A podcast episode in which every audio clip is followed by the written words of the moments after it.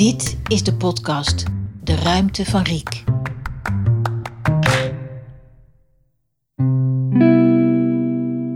Aflevering 5. Het nieuwe Rotterdam.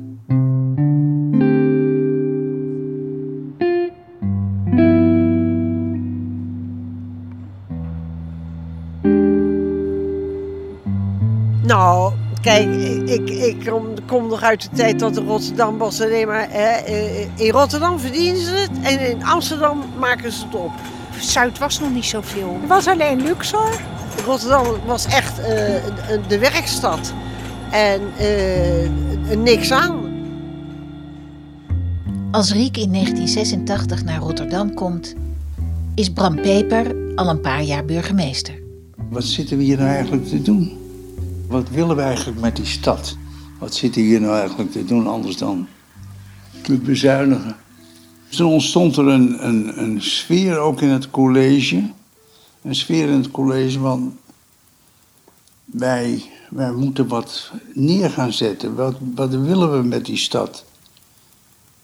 Ik heb zelf daar een notitie over geschreven, over de nieuwe stad en hoe de stad eruit moest zien en waar de stad vandaan kwam. Gelardeerd met cijfers en de sociologie van de stad en, eh, enzovoort enzovoort. Dus toen zijn we doorgaan met bezuinigen, maar die bezuinigingen die besteden we om te investeren in de stad. Het nieuwe Rotterdam noemden we dat. Alles kreeg een logo van het nieuwe Rotterdam. Uh, en dat heeft een enorme beweging uh, in gang gezet. Op zo verschrikkelijk veel terreinen dat er mocht weer iets. Er, uh, ik noem dat altijd een virus dat door de stad gaat. Een virus dat zowel de ambtenaren aanstak. Van wij mogen meedenken en we mogen de gekste dingen verzinnen en, enzovoort enzovoort. Want we gaan het nieuwe Rotterdam opzetten. En daar ontstond dus een hele goede sfeer in de stad, vond ik. Na die neerslachtige, met stakingen uh, omgeven uh, jaren. Daar surfde Riek op mee, zal ik maar zeggen. Dat was gewoon groot geluk hebben. Dat viel dus samen. We liepen naast elkaar. Ja, het was gewoon geluk hebben bij elkaar. En het was heel erg gedreven. Wij gaan het goed voor ze doen. Wij gaan het goed voor de stad doen. Wij zullen het voor elkaar krijgen. Tijd voor geleuten, dat namen ze niet. Peter Aubert is in die tijd PvdA gemeenteraadslid. Stadsvernieuwing, dat was bouwen voor de buurt. Oftewel, de mensen die hier wonen moeten terug kunnen komen naar waar zij, waar zij gewoond hebben. Ook door de PvdA was dat in de jaren 70 was dat opgebouwd als organisatie. Dat de bewoners zelf mochten bepalen hoe hun nieuwe wijk eruit zou zien. En hoeveel het mocht kosten. Huisvesting, dat was een dogma. Ja, dat was gewoon uh, uh, uh, een cult. Ja, stadsvernieuwing, dat gaat over een woning. Ja, goede woning is vreselijk belangrijk. Maar als je geen werk hebt en je kunt je kinderen in de school sturen.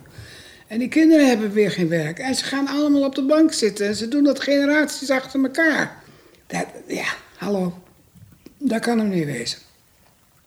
En ik, zeg de gek, ik zat daar om ja, andersoortige plannen te maken, meer integrale plannen. Dat, hè? En als je dan met een stedenbouwkundige blik naar zo'n gebied kijkt en naar de mogelijkheden die er liggen, ja, er liggen natuurlijk altijd andere mogelijkheden. Dus uh, ik heb meteen een soort plannencampagne gemaakt om te kijken hoe, hoe ik hier mijn eigen uh, steentje kon bijdragen. Ja, er staat een, uh, een doortastende vrouw. Uh, die, laat ik zeggen, niet geïmponeerd was. Maar wel gebruik maakte van het feit dat ze daar in het college mocht zijn. En haar opvattingen kenbaar mocht maken. De meeste indruk maakte haar opmerking dat ze zei tegen het college: Jullie staan met je rug naar de rivier toe. Dat was het beeld. Er komt iemand met een visie die zegt van nee, de nieuwe stad bestaat uit uh, een nat plein. Een nat plein? Hè? Waar heb je het nou over, Riek?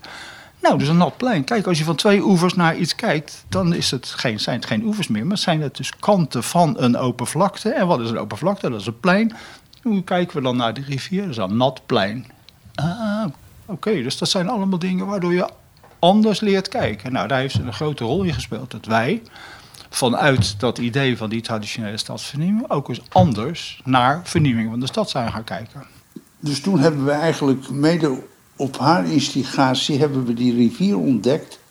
Dat is een eye-opener, ja. Oké, dus we moeten zorgen dat de nieuwbouw ook naar de rivier toe wordt gebouwd en niet met terug naar de rivier. Dus het, een, rivier kan, kan een scheiding aanbrengen in een stad, zoals in Rotterdam het geval was.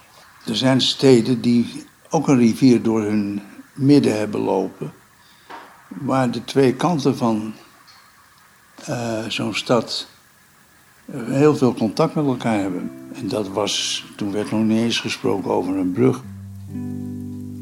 Ik kwam in het college goed voor de draad. Eh, Ze lag goed bij het college, dus En daarmee eh, won ik aan gezag. eh, wij hadden wel altijd een vertrouwensrelatie met onze topambtenaren. Dus wij wielen ze nooit af, in het openbaar. Misschien had ze ook wel een zekere respect of bewondering voor mij, dat weet ik allemaal niet. Ze wist wel dat ik, laat ik zeggen, mede de aanstichter was van de vernieuwing van Rotterdam, begrijp je? Hij ging mij beschermen. Het was vreselijk belangrijk dat de burgemeester je vriend is. Hij is een idealist. Hij, is een, eh, hij had het allemaal verzonnen. Dus het is een sociaal bewogen en wilde wat aan doen. Dat was heel fijn. Dus hij, had een drive. Maar hij kon ook heel veel hebben. Als hij zag dat je met iets bezig was, wat, wat soelaas zou kunnen bieden, dan mocht je ook fouten maken. En, daar stapte hij gewoon overheen. En eh, ja, dan eh, zei ik soms ook helemaal verkeerde dingen, want ik kwam natuurlijk helemaal niet uit, uit bestuurlijke kringen. Maar dan moest hij rot om lachen en eh, dat kon hij allemaal heel goed hebben. Maar ze heeft gevechten gehad met eh, allerlei topambtenaren. En eh, ze had natuurlijk een bepaalde stijl die, eh, die niet altijd met gejuich werd ontvangen. Dus ik heb ook een hoop moeten afzien. Het ging niet vanzelf allemaal. Er waren daar grote, machtige directeuren. Je had de directeur grondbedrijf. Je had de directeur gemeentewerken. Je had de directeur havenbedrijf. Eh, Dat zijn een paar types van die spierballen macho's. En daar komt Riek dan tussen. Nou, die is niet op de mondje gevallen, maar toch moest ze zich wel een plekje verwerven. Nou, ik heb wel knokpartijen moeten leveren. Ik heb heel veel mensen, zeker in de hiërarchie van die beroepen en eh, bij de ambtenarij, heb ik meegemaakt dat ze je aan, komen en dat ze eh, zeiden van, eh, nou, wat is dat nou? En dan vonden ze dat ik er niet uitzag, want dan was ik te dik of, ik, of weet ik veel, dan was er iets met me niet goed.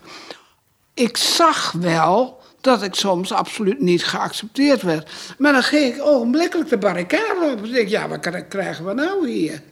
Het was gewoon weerstand breken. Nou, als blikken konden dolen. Oh. Oh. Verschrikkelijk. Wie ik wel dacht dat ik was. Ze zeiden het niet, maar ze vernietigden me.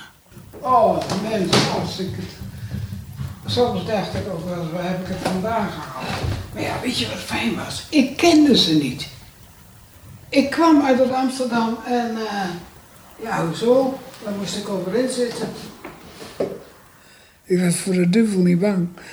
En eh, ik vond het heel, heel erg spannend om aan zo'n stad te werken. En ik eh, meende oprecht dat ik beet had en dat ik dingen kon doen. En het belangrijkste project daarvan is eigenlijk wel de Kop van Zuid. Op Zuid bedenk je iedereen dat er bloedhekel aan Zuid. Nee, ik kwam daar nooit. Nee, ik kwam daar nooit. Nee.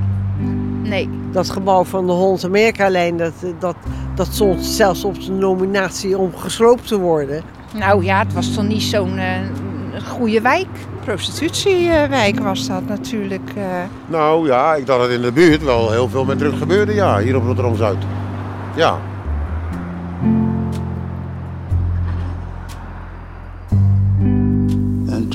Was er met name bij de Partij van de Arbeid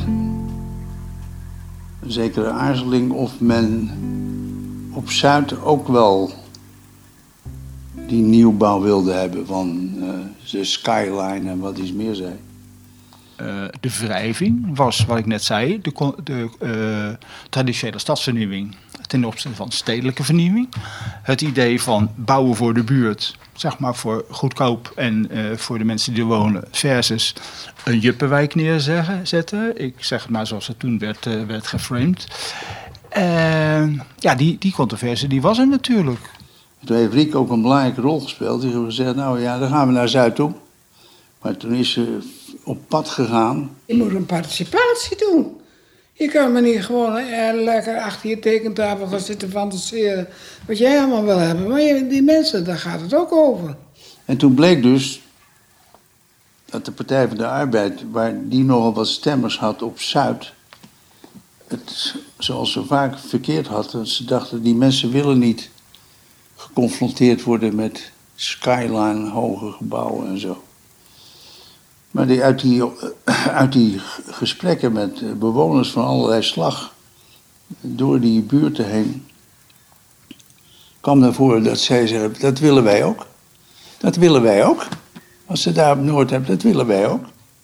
Er zijn mensen in bewonersorganisatie, bewonersorganisatie Feyenoord bijvoorbeeld, die hebben, die hebben de, bij zichzelf de knop omgezet. Die hebben ook willen zien oké, wij nemen de gok, want dit is een kans voor Zuid. Dit is belangrijk voor ons. Dus dat, dat, dat hielp geweldig mee om de Partij van de Arbeid, want je hebt een, altijd een meerderheid nodig in zo'n gemeenteraad, uh, omging. En het college was al om. Dat er dus ander soort bedrijvigheid zou kunnen komen. Dat de mensen die in Zuid wonen ook daar zouden kunnen gaan werken, dat die gebruik zou kunnen maken van die andere soortige voorzieningen, enzovoort, enzovoort. Dat was de kans. Riek heeft dat opgepakt van ja, dit gaan wij doen. Ik moet zorgen dat dat gebied niet verloedert. Dit was een revolutie wat ik deed. Die Rotterdammers die zijn wel ongelooflijk chauvinistisch. Daar ontbreekt het niet aan. Maar ze zouden eigenlijk een beetje trots op hun stad moeten zijn. Dus ik had in mijn hoofd dat de jeugd zou opgroeien op weg naar die nieuwe stad. En dat ze niet chauvinistisch zouden zijn, maar gewoon trots. Ja, ik heb het wel inderdaad zien opkomen. Ja, dat merk je ook dat het inderdaad uh, in Rotterdam-Zuid wel geholpen heeft wat men het uh, ontwikkeld heeft, laten we zo zeggen. Nou, wel gezellig. Uh, leuke sfeer, leuke horeca's zijn er gekomen. En, uh... Winkeltjes. Uh, als je verder loopt heb je de vuurplaat, geloof ik, heet het daar. Ja, dus het is wel gezelliger op geworden. Ja, heel mooi. Ik vind Rotterdam heel mooi. Qua uitzicht en qua architectuur vind ik heel nou, mooi. Nou, ik ben een zeer trotse Rotterdammer.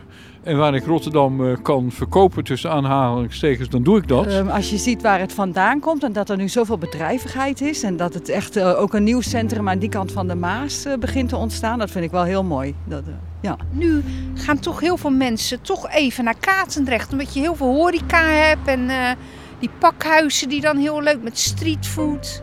Dat is erg leuk, ja. Ja, want daar ben ik ook van de week nog even langs gelopen. Want daar was ik nog niet geweest. En uh, ja, daar keek ik ook mijn ogen uit. Dat, was, dat vind ik best wel leuk.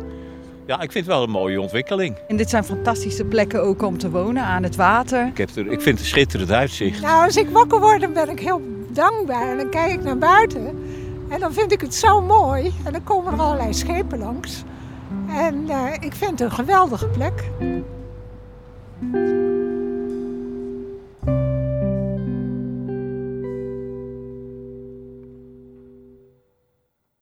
De ruimte van Riek. Deze podcast hoort bij het gelijknamige boek over stedenbouwkundige Riek Bakker, geschreven door Margreet Vochtelo en Riek Bakker, maar is ook zelfstandig te beluisteren.